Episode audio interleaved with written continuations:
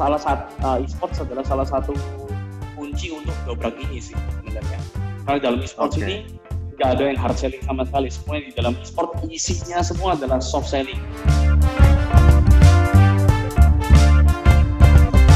Zero dengan ada Instagram maupun TikTok saat ini itu menurut uh, Bro Reza seperti apa sih kalau di dunia e-sport? Oh, Oke, kalau di dunia e-sports berubah terus sampai terakhir berubah. Berubah yang terakhir berubah berubah Oke. terus. Cuman yang jelas kalau di dunia e-sports itu yang paling penting saya nggak tahu mungkin juga di dunia yang lain ya. Hmm. Itu story-nya story-nya juga penting banget daripada waktu isi kontennya. Ngomong jeleknya kayak misalkan eh, kita magang daging atau kita magang sate itu asapnya itu penting banget. Satenya penting juga, tapi asapnya juga juga penting banget gitu. Hmm. Itu di dunia marketing lainnya semua juga itu sama. Di kita pun juga kita bikin konten seperti ini. Tapi di luarnya yang faktor pendukungnya banyak, banyak, banyak banget. Nggak bisa nggak bisa saya nyebutin satu kata gitu mencakup semua gitu nggak bisa sih kalau untuk pertanyaan ini. Cuman ya kalau contoh-contoh banyak gitu. misalkan eh, kita terakhir bikin untuk apa namanya eh, pas kita bikin Mabar, itu pasti turnamen banyak gitu. banget. Oh, kabar turnamen. Terus Hmm. setelah itu kalau misalkan yang per- apa yang indie personal Mhm. yang indie personal kita bikin banyak banget pasti apa eh, kon- apa apa collab collabs collabs tetap ba- apa seneng banget orang-orang dengan collabs Kolaborasi itu masih di situ seneng ya. Jadi kolaborasi kayak ya tes tes untuk uh, sparring gitu ya. Kalau misalnya kita Sparring, ya. sparring gitu ya. ya ya collabs itu penting banget kalau sekarang ya, oke. indie juga nggak gampang gitu terus eh, banyak banget contohnya tapi gampang banget lihatnya jujur gampang banget kalau misalkan kita belum ada ide sendiri aja researchnya itu gampang banget YouTube itu kita keluar kayak seperti yang saya bilang insight-nya adalah 50% itu gaming konten Ya, Hmm. ya, dari ya. seluruh Betul. dunia. Jadi itu Betul. kalau researchnya banyak banget cuma tinggal kembali lagi untuk risetnya itu kita perlu full time tadi itu saya bilang. Ya. Karena Oke. rata-rata sekarang idenya aneh-aneh ada yang harus effortnya itu kita ada bikin satu video pernah kita bikin satu video itu kita collab sama banyak orang itu kita harus eh untuk networkingnya aja itu kita teleponnya telepon kiri kanannya itu banyak banget. Telepon kiri kanan terus belum lagi kita harus iya jangan jangan dikira oh ya cuma telepon. Enggak itu kerjanya kayak kerja asli bener. Kita harus telepon satu Yes, persatu yes, orang yes, kita yes. minta tolong ayo tolong itu Ya. melas loh kita melas itu bahasa Surabaya apa mohon mohon kita mohon mohon ayo Ya, melas. sama kita Ya, itu, minta melas. ya. Jelas, jelas. minta bukan berarti kita sama sama kayak kalau kita jualan barang kan harus melas gitu ya karena saya sendiri kan eh, pengusaha jadi kan sering jualan barang sama telepon kita minta tolong ayo dong Eh, dengan e-sports lain ayo dong kita buat ini bareng apa ntar kita cari jadwal bareng belum lagi sama tim-tim yang lain jadi memang eh, effortnya aja itu effortnya banyak dan jangan kaget kalau eh, apa namanya kita harus siap kalau misalkan susah Iya, iya. jangan kaget Misalnya babat alas dulu ya. babat alas Oke, dulunya susah. itu penting Nah, banget yes Berapa tahun sih babat alas kalau Dani sendiri di uh, Jawa Timur ini? satu tahun susahnya tapi begitu setahun terakhir gampang sih tapi setahun susahnya Berarti Susah banget, setahun. ya. Iya tahu setahun tapi formulanya. begitu tahun tahun kedua eh, lebih banyak yang ngajak kita kolaps otomatis jadi ya. Wah, berarti Ya. siap-siap nanti kita bisa Karena sudah terkenal, bareng nih. sudah terkenal. Iya. kan apalagi satu-satunya di Surabaya di Jawa Timur satu di only one jadi rata-rata piala-piala segala macam itu pasti ngajak kita kolaps terus semua semua Iya. event organizer itu pasti ngajak kita kolaps jadi memang eh, udah udah lebih gampang sekarang Udah gampang. ya? Oke. Wah. Obat alasnya tapi masya ampun susahnya itu luar biasa kan. luar biasa susah. dari kalau dari saya dari sisi ini ya dari seorang sisi entrepreneur dan business owner melihat bahwa Dranik ini bisa jadi satu pintu juga membuka brand-brand yang sudah ada sekarang eh, established sekarang ini dari brand minuman, makanan dan produk ini untuk masuk ke market yang baru. Benar nggak sih, Bro Reza? Benar. gitu? Jadi Benar gini, ya? aku ini saya buka rahasia aja kalau untuk brand-brand Oke. seperti itu. Eh ini riset research kita ya kembali lagi kan researchnya kita masing-masing. Cuma kalau dari research kita brand-brand ini semua sekarang sangat kesusahan untuk hard selling. Semua. Oke. Udah nggak ada yang mau tuh dikasih. Ayo kita beli ini, kita, ayo kita minum ini, ayo kita eh, makan ini segala macam, ayo kita ini. Udah nggak bisa itu hard selling itu semua udah gagal. Bisa dikatakan malah sampai semua orang semua orang yang ketemu kita mereka semua kesusahan awalnya adalah ini Dan di sini e-sport salah satu uh, e-sport adalah salah satu kunci untuk dobrak ini sih sebenarnya. Karena dalam e-sport okay. ini nggak ada yang hard selling sama sekali. Semuanya di dalam e-sport isinya semua adalah soft selling. Masalah. Oke. Okay. Masalah gimana soft sellingnya? Oke. Okay. So, gimana? Ha, gimana? Gimana? Misalnya kita, oke okay, kita uh, ada banyak macam caranya. Sekarang satu story-nya aja semua brand yang dukung kita itu kita pasti call, uh, seperti kita collapskan ke dalam brand kita atau ke dalam tim untuk di mana bahwa brand ini memang mendukung tim ini gitu loh.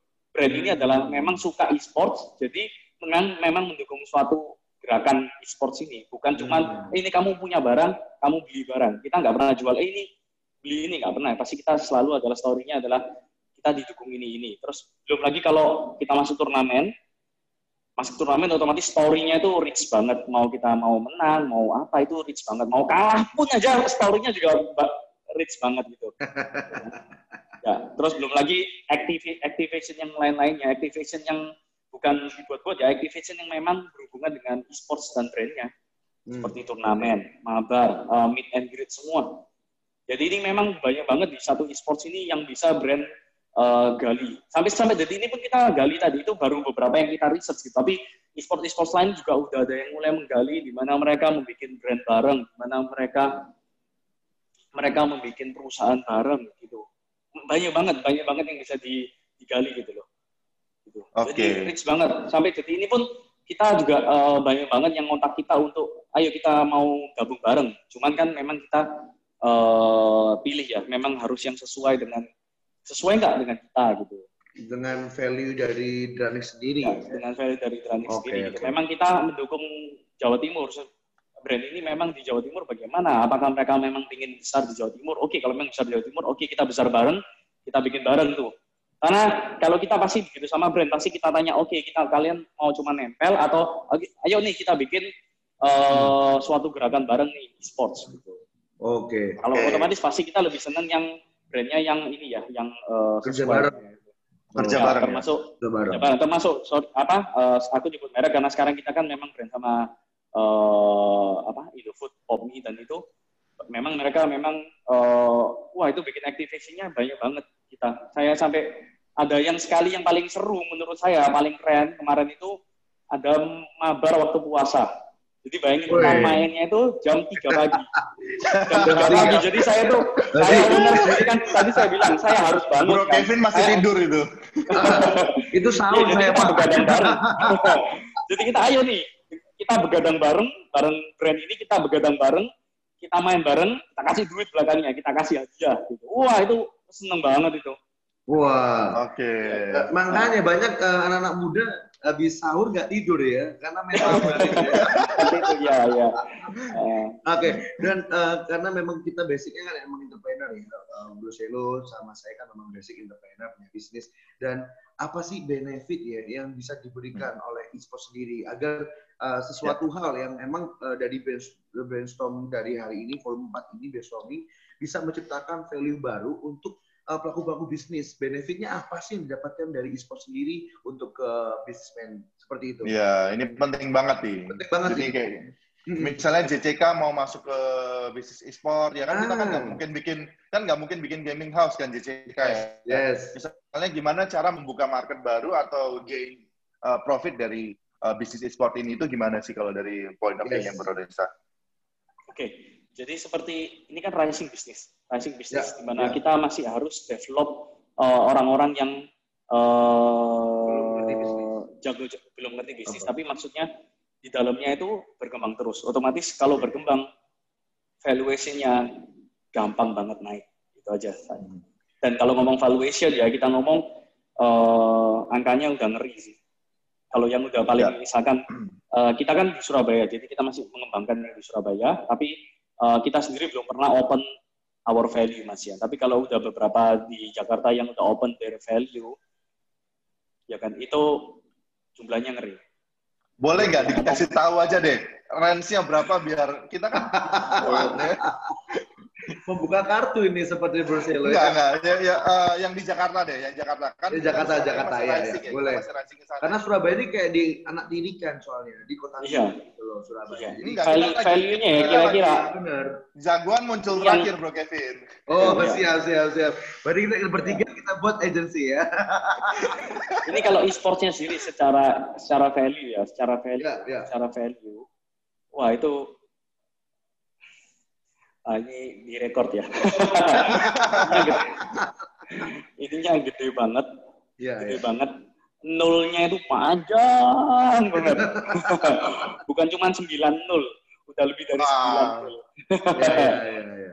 ya okay. nolnya itu udah lebih dari 9 gitu. Gitu secara value.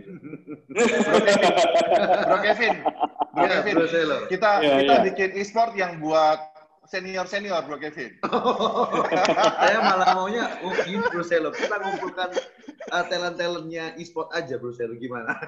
kita naik ke beberapa perusahaan-perusahaan besar. Basically, eh, Nah, boleh, perusahaan boleh. agency dengan e-sport sangat besar sekali. Salah satu Iya, iya, perusahaan iya. yang paling besar Ah, benar. evaluation-nya adalah perusahaan agency. Yes. Saya ngomong. Perusahaan Cocok agency kasih Bruselo kita ini. besar banget, besar banget. gitu, ya. Besar banget. Oke, eh, untuk ini ya, eh, the future ya, karena kita tahu sendiri kan Gen Z ini eh, akan eh, mengikuti trending, karena milenial ini kan banyak eh, cobaan yang dulu tahun 98 ada krisis moneter dan 2020 ini ada krisis tentang COVID. Dan akhirnya kan milenial ini akan tergilas ya dengan zaman dan digantikan dengan Gen Z. Nah harapannya nih ya untuk Gen Z sendiri eh, menurut Bro Reza sendiri ya di dunia e-sport sendiri. Karena banyak banget 80% orang ini dari Gen Z semua yang bermain gamers-gamers ini. Gimana menurut Bro Reza? Harapannya? Oke, kalau saya sendiri sekarang apa pun apa pun yang kita kerjakan, apa pun yang kita kerjakan, itu kita eh, nggak bisa dipungkiri semua sudah berhubungan dengan Gen Z pasti. Ya. Kita bentuk apa pun, termasuk di bisnis saya sendiri, yang bisnis saya sendiri bisnis luar. Sekarang kalau misalkan kita nggak berhubungan dengan Gen Z, ini berhubungan dengan cara kerja Gen Z ya. Seperti saya ngomong YouTube, uh, sosial media, apa segala macam. Yang lainnya udah tergerus. Ya. So this is our time. Actually this is your time gitu. Mungkin saya saya termasuk milenial. This this is your time. Kalau misalkan kalian nggak menggunakan kesempatan ini, ini ini pasti ini kita kejar-kejaran sama waktu pasti gitu. Jadi ini Ya. your time untuk untuk shine sih. Memang harus mumpung masih mungkin kalau sekarang Gen Z kan umurnya masuk ke 15 sampai 20 tahun lah. Hmm. Ini kan berarti kan secara secara secara apa? eh, atau psikologis secara beban itu masih belum, belum besar. ya. Coba Belum apa pun yang memikirin- kalian kerjakan, nggak harus Betul. nggak belum- nggak harus nggak nggak harus game. Kalian seneng game, kalian seneng dancing, kalian seneng apa pun, apa pun. Saya bener, saya tahu orang bikin orang bikin rumah pun bisa dijadikan tipe genset gitu loh. Mereka bikin itu. Oh jangankan tipe ini jangan saya nggak cuma ngomong genset ya, sorry. Sorry, saya apa? eh, ini bahkan orang yang nggak genset pun, tapi selama kita bisa bisa punya jiwa genset, ada satu tuh, ada satu orang yang review, ada orang satu yang review semua produk, dia seorang dokter, sekarang di YouTube itu umurnya tuh udah tua banget, tapi cara dia ngomong apa itu seperti gadget dan itu wah, saya sendiri aja seneng ngelihat dia Hmm. nge-review produk kecantikan itu saya seneng banget ngelihat dia apalagi maksudnya apalagi yang benar-benar berhubungan dengan genset gitu loh Ya, ya, ya. jadi itu maksudnya Oke. apa pun sekarang dari bikin itu uh, kosmetik dari bikin bangunan apa yang kira-kira kalian seneng apa uh, pets anjing ya gaming itu pasti besar banget ya tapi apa pun yang kalian Betul. seneng kita coba kita coba untuk kita kita coba untuk masukkan itu ke cara pikir teman-teman which is sebenarnya sangat gampang buat kalian karena sebenarnya tiap hari kalian juga udah nonton itu buat orang-orang lain Betul. seperti yang udah tua masuk seperti saya pun juga cara pikirnya susah banget kadang-kala waktu lagi brainstorming dengan gadget-gadget ini karena kan konten kita harus berhubungan dengan gadget-gadget ini jadi waktu Benar. brainstorming susah. Saya udah ketinggalan zaman. Kalau saya sih seneng kayak oh ini loh bagus ini sesuatu yang membuat benefit buat saya. Itu kan orang milenial itu. Oh bikin konten yang ada benefitnya tuh buat saya. Itu itu cara pikir lama. Sekarang yang gadget konten-konten yang apa ya yang gak jelas pun kadang-kadang laku. Dan itu saya juga ngerti kenapa kok bisa laku di Genset. Konten-konten yang itu- tidak bermoral. That's the, Aduh. aku saya- tapi maksudnya itu saya bilang itu itu future-nya gitu loh. Kalau misalnya itu Ya. bisa diterapin ke apa pun gitu ke kan saya ngomong kembali lagi kalau cara pikir milenial kita jualan, kejualan apa pun pakai cara genset itu sekarang Betul. luar biasa bagus, bagus banget dan itu ini apa namanya ini saya ngerasain sendiri karena kayak saya bikin uh, berani si sports ini sih. So ya harus harus berani harus berani harus berani masuk all in ya ke sini gitu. Itu sih pesan Oke. saya satu. Jadi Ya. eh, kalau mau disimpulkan mungkin genset ini sudah jadi pusat ini ya, pusat sekarang menjadi pusat dari kita semua ya, pusat Target dunia di sini ya. ya. Cara komunikasi Ya, Eh, selain target market, cara komunikasi semua gaya-gayanya ngikutin genset ya. Yes. Mungkin kita bisa, let's say kita sudah bisa ngomong bahwa milenial is dead benar ya, karena milenial eh, saya juga pelajari orang milenial sekarang lebih fokus ke gimana investment ya kan, investasi, Iya, bikin ya. bisnis ya kan. Ya. mana Dan, ada wow, mana luar ada biasa sekali sih. Ya, ya.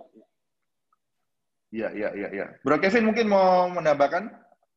Eh, mungkin Bro Reza sendiri ya, eh, karena e-sport tadi ya saya masih eh, pingin tahu sih gimana dengan eh, kelangsungan bisnis ya, terutama di dengan kolaborasi. Jadi kita sudah Bro Selo dengan Bro Reza udah, udah mematik untuk berkolaborasi bersama.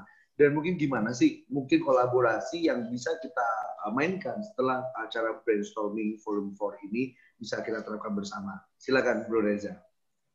Oke, jadi uh, dengan Dranix sendiri, oh, sekarang kita selain kita akan mencoba untuk juga uh, karena pandemi ya. Sebenarnya pandemi tadi ini bikin membuat sesuatu gebrakan baru di kita, di mana sebelumnya kita uh, maunya itu adalah suatu yang besar, gerakannya itu besar-besar. Gerakannya itu atau maksudnya misalkan kita ngomong terima apa sponsorship segala macam itu akan harus besar segala, segala macam. Cuman sekarang kita akan mulai uh, sekarang gerakannya kelihatannya lebih kecil-kecil, termasuk secara collab itu pun nggak perlu sampai kita oh harus dengan sesuatu yang besar banget apa sesuatu yang kecil-kecil itu. Jadi kita sekarang mulai welcome juga dengan kita let's say ya kita ngomong dengan UMKM kita kita ngomong dengan eh, brand-brand yang yang lebih kecil dan kita kita welcome dengan ini masih gerakan baru yang akan kita coba gitu ya.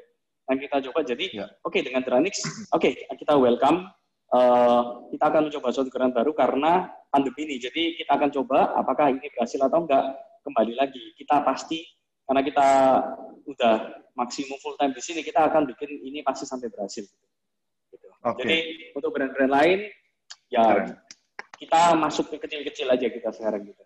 Itu jauh itu itu akan jauh lebih keren nanti di Dranix pun kita juga nggak akan ya kalau kita bikin turnamen kita akan bikin turnamen oh paling besar se Jawa Timur apa bikin turnamen yang datangkan sepuluh ribu apa orang enggak sekarang lebih oke kita bikin online turnamen di sini kecil Lalu kita bikin ke Bandungan kita jadi gerakannya itu kecil-kecil tapi tapi bermanfaat gitu loh rasa banget gitu Oke. gerakannya Karena marketnya juga luas banget. Iya ya. benar. Iya, benar. Dan, iya. dan pasti ada marketnya sudah pasti ada dan penontonnya juga pasti ada gitu ya. Yes, demand dan supply-nya Yes. seimbang ya, bro. Ya? Betul, Iya. betul. Kalau penontonnya nggak, kalau penonton dari exposure di e-sports nggak usah khawatir sih. Maksudnya rata-rata udah pasti eh, banyak lah.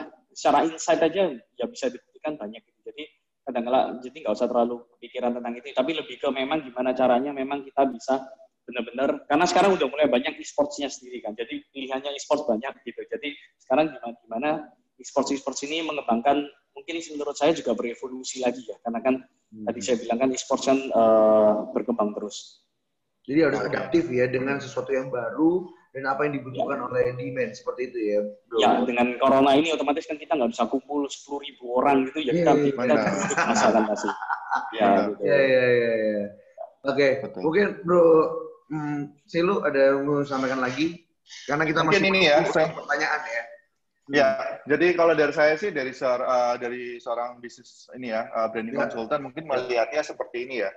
Uh, dengan bisnis-bisnis yang ada sekarang ini sudah mungkin bisa mulai untuk melihat lebih jauh ke dalam e-sport ya. Yes, yes, Terkait yes. dengan bisnis A, bisnis B, bisnis C, masing-masing pasti bisa di ini ya personalize sendiri-sendiri gimana cara masuknya ya kan nggak satu bisnis nggak Nah. mungkin sama dengan bisnis yang lainnya. Tapi uh, menjanjikan sekali tapi yang tadi Bu, uh, Bro Reza ngomong bahwa ini kita lagi rising ya di Surabaya Jawa Timur belum ada cuma the one and only ada Dranix dan Masih artinya banyak kota lain. masih luas banget. Iya. Masih banyak kota lain, Masih benar. banyak kota lain. Iya. Benar, benar. Bisa masuk as a partner ya, Yes. atau bisa bikin gaming house sendiri mungkin ya. Waduh. Iya benar benar. Granix sendiri Misalnya. gaming house kita ada empat. Kita punya empat. Kita empat seluruh. Punya empat di game house. Ada empat ya. Gaming house ada Wow. empat. gaming house. Kita ada empat. Oh, yang paling banyak memang di Surabaya ada dua. Di Jakarta dulu di Jakarta ada dua. Cuman Oh, eh, sekarang tinggal satu karena satunya kejauhan. Terus kita lagi mau cari lagi yang satu. Sebenarnya yang idealnya kita harus punya tujuh. Idealnya tuh. Oh, oke. Wow. Kita punya tujuh. Wow. Makin banyak pro player ya di situ ya. Idealnya. Ya. Iya iya. Pro player kita total Benar, benar. total pro player kita waktu lagi banyak-banyaknya itu 49 orang. Pro playernya aja. 49 pro player. Hmm. Ya, 49 Wow. orang. Itu maklum ya. Bagi satu gaming berapa house. game? Enggak, enggak. Itu ya kita bagi 7, 7 gaming house itu. Eh, no, no, Oke. maksudnya oke. Untuk gamenya Oh, sendiri. berapa game? Oh, berapa game? gamenya waktu yang maksimal 4 ya, 4 sampai 5. Cuman ada cewek cowok. Hmm. Oh, oh, berarti. Ya, jadi oke. Ya, Oh, Dani sendiri Ada. fokus ke game mana nih? Kan banyak nih, ada Free Fire, ada macam ada... Pokoknya game major. Apakah semua ada? Ya, yang ada major league-nya kita usaha masuk. Yang ada major league-nya. Oke. Kita usaha masuk. Yes. Ya, ada major league-nya. Ya, dan cewek kita juga usaha nge-build karena story-nya cewek ini bagus karena game- gaming itu kan didominasi oleh cowok. Iya. Tapi e-sport e-sport sendiri ini Ya. sekarang lagi mengembangkan uh, environment di mana cewek pun ini juga jago. Cewek pun ini juga jangan diremehkan gitu. Iya, iya, iya. Benar-benar. Tuh. Berarti Benar, emansipasi benar, benar, wanita benar, ditingkatkan ya, eh, bro. Iya. uh, dan, Gokil. dan Tambah luas lagi, tambah luas lagi. Tambah luas luas lagi. lagi. Marketnya makin luas besar lagi. nih, Bro Selo ya. tambah luas lagi. Harapannya ya, kita benar. bisa ketemu lagi, langsung kita berikan yang terbaik nih, kolaborasi. Iya. Betul, betul. Saya tunggu nih Kalau kalau misalkan yang ada kolaborasi, ayo kita welcome. Oh, siap. Ya, Bro Selo agendakan waktu kita ya. Siap, siap, siap. Siap, siap, Ini siap. kalau ada bro apa yang ada gamer ceweknya Bro Kevin tambah semangat nonton. Dan Oke. jujur rata-rata kalau gamer cewek, kalau gamer cowok kan rata-rata kayak saya gini ya, lebih jelek, gendut, terus jarang mandi, jarang mandi gitu mungkin. Tapi kalau cewek kebalik. Eh, Kalau udah namanya gamer cewek, udah pasti make up, udah Iya. pasti cantik udah pasti. Ah. maksudnya saya cantik itu relatif, tapi mereka udah pasti uh, pembawaan dirinya uh, itu prepare, keren, well gitu. prepare ya. Kayak well prepare itu aneh banget kalau gamer cewek itu malah saya lihat itu well prepared banget sih. Well. Anehnya saya Oke. jarang banget lihat yang game game Betul, cewek nggak menarik gitu. Benar, benar. Oke, Iya. uh, Bro Reza dan juga Bro Iya. Selo ya, uh, buat teman-teman semua di sini yang lagi nonton di sesi pertama kita dengan e-sport, the rising business of the future. Dan kalau kalian mau bertanya, silakan di WA di 0813 5750 7591. Kevin ulangi lagi di 0813 5750 7591. Oke, jadi kalian bisa bertanya apa pun itu seputar e-sport. Kalau mau misalkan berani, gimana sih cara mendaftarkan diri atau mau tanya eh, mungkin para bisnis yang udah join bersama kami, mau tanya gimana sih cara kolaborasi atau bisa bermitra atau bisa eh, menjalin bisnis baru dengan Granix, boleh banget bisa di WA di 0813 5750 7591. Ditungguin guys. Oke, jadi gitu Bro Selo ya. Mungkin ada suatu hal yang uh, kita bisa kembangkan bersama karena Granis ini uh, menjadi pioner di Jawa Timur loh. Luar Benar, biasa. benar. Benar. Ada Ya. Afi. Benar Afi banget. pun juga apakah Bro Reza dimasuk di dalam uh, pengurusan Afki atau mungkin di sport yang lainnya? Sorry, tadi gimana? Afki, Ah, Afki atau join di Oh, A- A- yes Afi, asosiasi. Eh, Afi kita asosiasi kita Hmm. ada beberapa join, termasuk Afi kita juga join. Oke. Eh, kita kalau di Afi kita dinobatkan sebagai salah 2019 itu Yes. Sports free fire terbaik. Gitu. Terus tapi Wow. selain Afi kita juga beberapa Oke. juga juga terbaik se Indonesia bukan Jawa Timur ya. Gila. Terus tapi juga kita juga eh, ada beberapa organisasi-organisasi yang lain yang kita memang ikut. Oke, oke, keren, keren, keren. Oke, Tapi kita juga bikin, keren. kita bikin komunitas sendiri kita juga bikin Oh, komunitas Ya. apa kalau boleh tahu ini, Mas Bro? komunitas komunitas eh, gaming komunitas gaming kita bikin di macam-macam sih ada di seluruh. Tapi kita memang fokuskan di Jawa Timur. Di Jawa Timur, di Oke. eh, di Kediri, di apa? Di Kediri, sidoarjo, Surabaya, Banyuwangi itu banyak banget orangnya. Oke. Sampai kadang-kala Jadi Eh, kafe-kafe, kafe-kafe, restoran mungkin bisa jadi tempat mabar mungkin ya. ya sering kita Ya. juga tempat sering-sering banget kita apa adain acara mabar di kafe-kafe gitu. Dan rata-rata selalu full house, rata-rata. Siap, siap. Oke, Kecuali ada pertanyaan ini, uh, Bro Reza, Bro Selo. Uh, kita uh, Ya. ada pertanyaan satu, dua. Oke, kita ada dua pertanyaan, jadi silakan buat teman-teman bisa kita uh, selesaikan bersama-sama atau mungkin kita simak bersama-sama juga. Ada Dani nih, uh, BTW, by the way, wah, kenapa game e-sport kebanyakan sultan-sultan? Ah, apakah yang non sultan bisakah masuk tim gamers yang sudah tergabung di sport atau bagaimana? Wah, ini dari Dani. Seperti apa nih Bro Reza? Oke, kalau berarti Dan ini gamer ya. Halo. Gamer, pasti Gamer, gamer. gamer nih, gamer, gamer. Kita sama bro, kita saya juga gamer. Meskipun saya sudah tua, saya gamer. Salam gamer. Kalau saya sendiri nggak berhubungan sama sekali masalah uang dengan eh, e-sport. Kita rata-rata kita eh, salah 70% pro player kita itu malah malah dari orang kita saya ngomong mereka sudah keluar dari orang tuanya gitu ya. Jadi mereka udah udah mandiri dari kecil. Jadi mereka kalau ngomong biasanya kalau orang udah mandiri otomatis secara duit pasti lebih sedikit ya karena masih babat alas semua ya. Iya, iya, iya. Modalnya berjalan. mahal, iya. Tapi oh, mereka skillnya luar biasa jago banget. Kalau ngomong gamenya luar biasa jago. Cuman jujur mereka dedikasinya yang mereka limpahkan itu besar sekali. Jadi kita saya sendiri memang menghargai mereka karena itu adalah dedikasi yang dimasukkan itu secara waktu khususnya Hmm. itu besar banget. Seperti yang saya bilang mereka udah full time rata-rata. Oke, oke. Dan Jadi tetap intinya mengenai ah, dan jadi tetap intinya- mengenai talent ya. yes, Sorry, yes. sorry. Thailand ya, nggak berhubungan. Ini Jadi kayaknya agak delay tadi. Ya, nggak berhubungan jadi nggak berhubungan sama sekali. Sultan enggak, saya skinnya punya skin paling bagus seluruh game susah sudah saya beli semua. Tapi saya ampun dah kalau misalkan ketemu sama wow, wow. orang-orang ini aduh ampun ampun ampun. Oke, dah. Babat habis dengan skin yang biasa ya. ampun lah. Malah kalau skin kita skin saya terlalu bagus itu malah kalau misalkan saya kalah itu malah dihina-hina sama orang-orang Dibully. dibully malahan. Waduh ini ini istri istri saya nonton habis ini saya nggak boleh beli skin ini ya, berarti ya. Saya kalau ngomong Pak. beli skin itu, kalau beli skin udah ngomong habisnya puluhan juta. Iya, skin mahal. Ya, udah ngomong puluhan juta itu nggak usah ngomong. Tapi Enggak, aduh, saya belinya murah-murah, Bro. Tapi katanya sih gini, lebih baik minta maaf daripada minta izin, bro. Setuju itu bro, saya setuju. Saya Iya setuju. kan? Oke, eh, ini pertanyaan kedua. Ini dari gamers eh, cewek nih, bro. Jadi Bro Sel dan Bro Reza, eh, ini ada dari Tania J. Wah, thanks Kak Reza, sharingnya sangat menginspirasi. Mau tanya Kak, background saya adalah seorang content creator agency yang membuat konten untuk akun-akun bisnis di Instagram. Dan kebetulan saya punya klien vendor jersey e-sport gaming. Nah, saya secara pribadi generasi milenial dan bukan gamers lumayan kesulitan nih dari mana seharusnya mulai menyusun konten untuk kategori bisnis jersey e-sport. Boleh minta saran dari uh, Kak Reza, sebaiknya saya mulai dari mana ya? Terima kasih.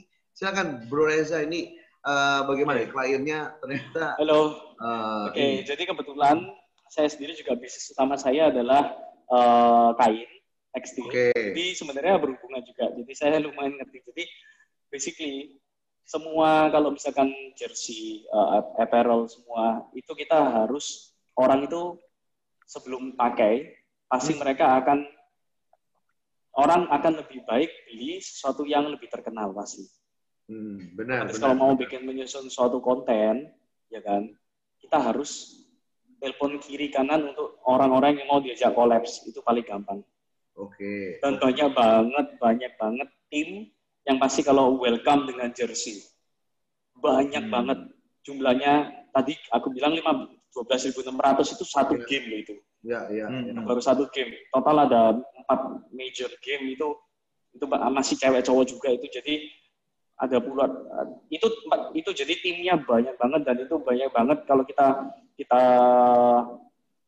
rajin nih kontakin satu-satu kita ajak kita ajak kita ajak collab kan nggak nggak nggak susah tuh untuk suatu jersey untuk kita bikinkan mungkin dengan Sublim kan kita bikin cara dengan Sublim kalian bisa bikinkan dua tiga jersey untuk dikasihkan mereka untuk disuruh collab bareng Ya. it's very easy it's very easy dan eh terakhirnya pasti ya berhubungan dengan omset ya kalau misalkan kamu eh, tadi Tania ya tadi ya Iya, Tania, iya. Oke. Tania kalau misalkan Tania, Tania. kalau misalkan kita zaman sekarang kalau misalkan kita terkenal otomatis omset dat- datang sendiri lah gitu dan nggak salah sih masuk ke masuknya dengan jersey otomatis masuk terkenalnya dengan masukin ke coba aja collab collab ke game-game ini gitu nggak salah Oke, thank you, thank you. Wah, Tania semoga menjawab ya Tania ya. Dan yang terakhir nih, the last question untuk jangan jangan malu sorry tadi jangan Ah. malu untuk ngajak collab Oh, sering kok orang malu ngadu kita mau ngajak collab tapi kita Hmm. aduh aku saya masih kecil belum Langsung DM aja. Tania di mana Bro? di eh, Bro Reza di Instagramnya. ya tinggal ya tinggal tinggal DM kita collab jangan malu lah Oh jangan Nah, kalau mau tanya lebih lanjut, bisa hubungi Bu Roy Hubungi Ah. di mana nih? ya, di Instagram. Instagram. Instagram ada Instagram Dranix Esports juga bisa.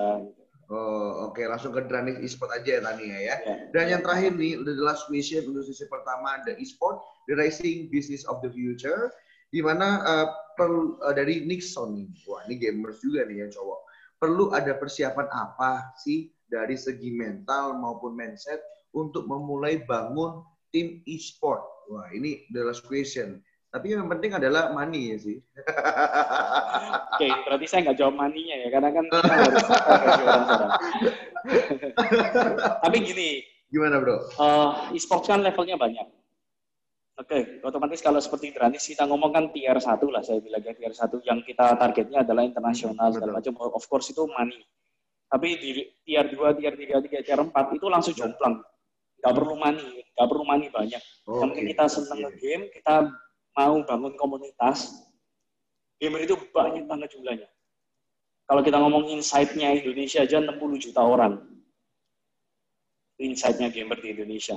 Ya, ya. Ini termasuk tapi semua Hmm, itu semua ya 60 bukan orang. maksudnya 60 juta itu termasuk yang main kayak saya sebut merek ya termasuk yang main kayak di Crash, main apa tapi total 60 juta orang 60 juta Yang orang di seluruh 60 juta orang. Indonesia. seluruh Indonesia yang Oke. eh, aktif main untuk eh, kita ngomong salah satu game aja Ya, per ya, game ya. yang aktif main yang itu per game aja bisa mencapai 7 juta orang Wow. waktu lagi tik-tiknya bisa Wow. mencapai 11 juta orang jadi Wow.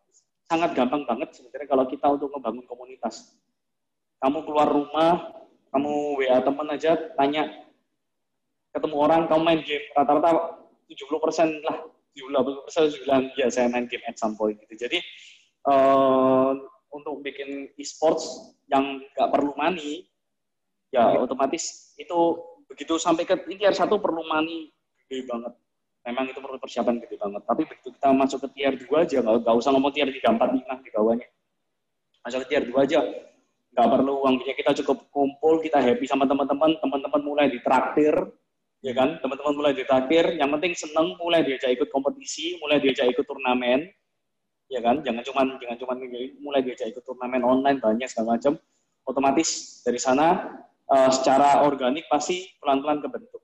Gitu Iya, iya, iya. rata-rata yang di bawah yang di bawah kita tier 2 itu otomatis kan banyak komunitas-komunitas kan dan Benar, benar. tapi di bawah kita komunitasnya ada ribuan itu eh Ya. nggak ada yang pakai nggak ada yang pakai nggak ada yang pakai money sih malah mereka Dan making harus money. mereka making Ya, money, betul. malah mereka making money banget karena kalau misalkan komunitas itu sering ngadain turnamen ya kan kita hitung-hitungan Benar. duit aja kita hitung-hitungan duit eh, misalkan kita hitung-hitungan duit hadiahnya ya kan Oke. hasilnya hadiahnya satu juta gitu kan yang ikut itu bisa mencapai sampai eh, kita ngomong gampang-gampangan eh, 70 tim 70 tim dikalikan ongkos masuknya lah 50 ribu 50 ribu kali 7 berapa? Tiga tiga juta lima ratus. 3 juta 500 Ya, tiga lima juta. kalau orang Surabaya kan sosok dua juta lima ratus.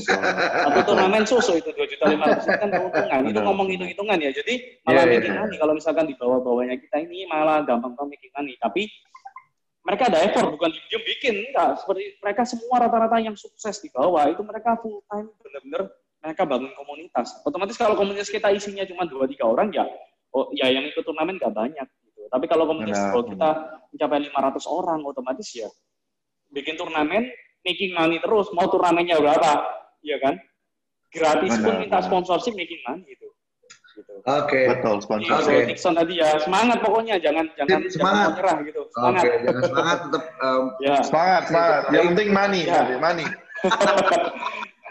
Sebenarnya kalau saya sendiri nih jangan dimulai dari money ya. Saya sendiri kalau saya ya, ya. sendiri usaha jangan dari usaha target dari money. Kalau nah. kalau dari money ntar malah kecewa karena kecewa. tadi alasnya ya, ya. babat alasnya itu lama banget. benar benar itu benar. ya. ya. Berarti kita rubah. Saya revisi passion. Passion. passion. Nah, skill ya. Skill Passion dan dedikasi dan dedikasi. Passion ya. ya. Passion. Kita harus berani keluar uang untuk ini malahan dulu ya. Keluar uang dulu nih kita baru ntar bikin money di belakang gitu. Jangan ya, ya, ya. dari awal udah bikin money gitu. Oke, okay. oke, okay, thank you buat Bro Reza, Bro Selo sebagai uh, namain saya jadi moderator pada hari ini. Mungkin uh, dari ini uh, Bro Selo ada yang mau disampaikan, mungkin uh, closing statementnya atau uh, menjadi conclusion boleh Bro Selo. Oke, okay. jadi conclusionnya dari sesi pertama ini di uh, seminar satu, saya melihat bahwa semua hal yang sekarang dikerjakan, ini banyak genset juga yang join dengan kita hari ini Uh, tadi yang Bro Reza ngomong di awal bahwa semua itu dikerjakan dengan serius, dengan profesional ya. Uh, jangan berpikir bahwa ketika masuk ke gaming, industri, masuk ke gaming house, bikin sebuah tim, itu butuh dedikasi juga, butuh kedisiplinan.